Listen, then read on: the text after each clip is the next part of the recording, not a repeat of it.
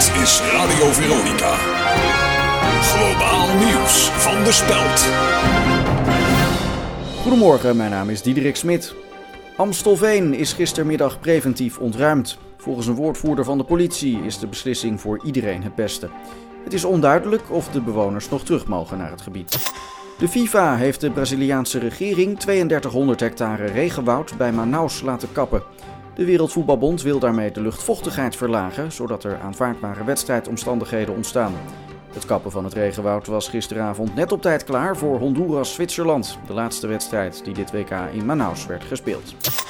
Woensdag is in een oude sporthal in Culemborg een tweede vestiging van het Anne Frankhuis geopend. Burgemeester Roland van Schelven hoopt met het nieuwe filiaal meer toeristen naar het Betuwse stadje te lokken. Volgens buurtbewoners toont de gemeente geen enkel historisch besef.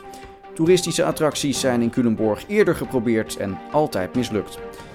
En tot zover meer nieuws op speld.nl.